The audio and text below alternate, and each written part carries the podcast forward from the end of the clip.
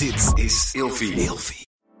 De overgang. 85% van de vrouwen tussen 45 en 60 jaar ervaart overgangsklachten. Klachten die kunnen leiden tot een verkeerde diagnose of langdurige arbeidsongeschiktheid. Wat kun je doen als je overgangsklachten ervaart? Hoe maak je dit bespreekbaar op je werk? En als jouw medewerker bij jou komt, wat kun je als werkgever dan doen? Sector Instituut Transport en Logistiek heeft een kennisplatform ontwikkeld waar jij terecht kunt voor tips en adviezen. Wil je hier meer over weten? Kijk dan eens op stl.nl/slash overgang. Eindeloos aan het woelen en draaien in de nacht en hou je je partner wakker? Het kan zomaar zijn dat je toe bent aan een nieuw bed.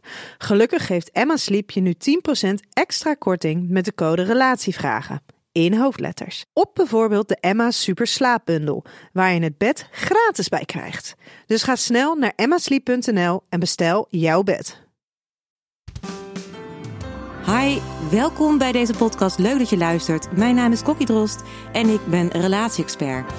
Vandaag beantwoord ik de volgende vraag.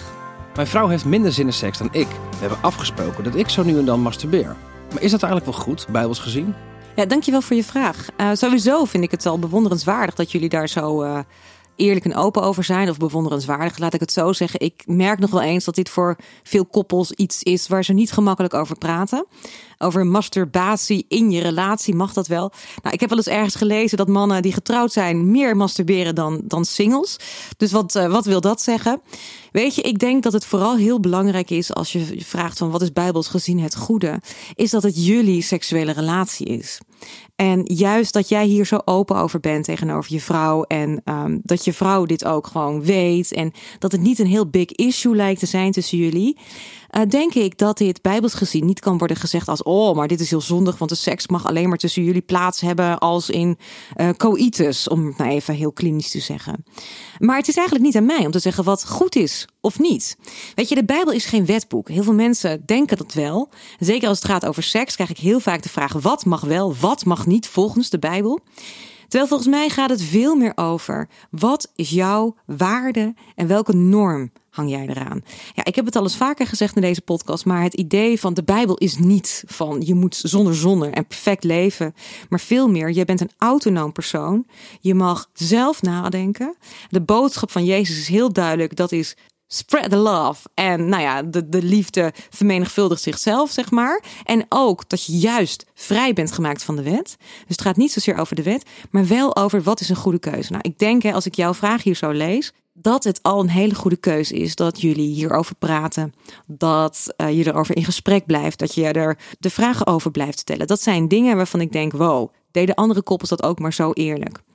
Um, dus ik ga jou niet vertellen wat mag wel, wat mag niet, wat is goed, wat is niet goed. Maar veel meer, jij bent een autonoom geschapen mens. Daar ben ik van overtuigd.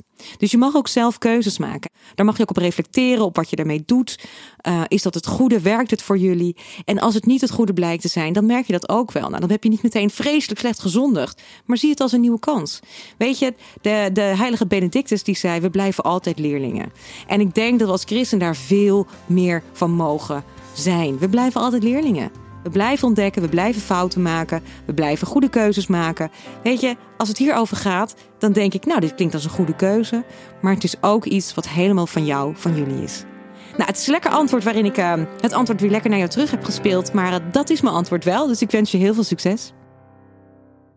Met de code Relatievragen in hoofdletters krijg je 10% korting bovenop de 50% korting die je nu krijgt op het bed dat ik bijvoorbeeld heb. Dus ga snel naar emmasleep.nl en bestel jouw bed.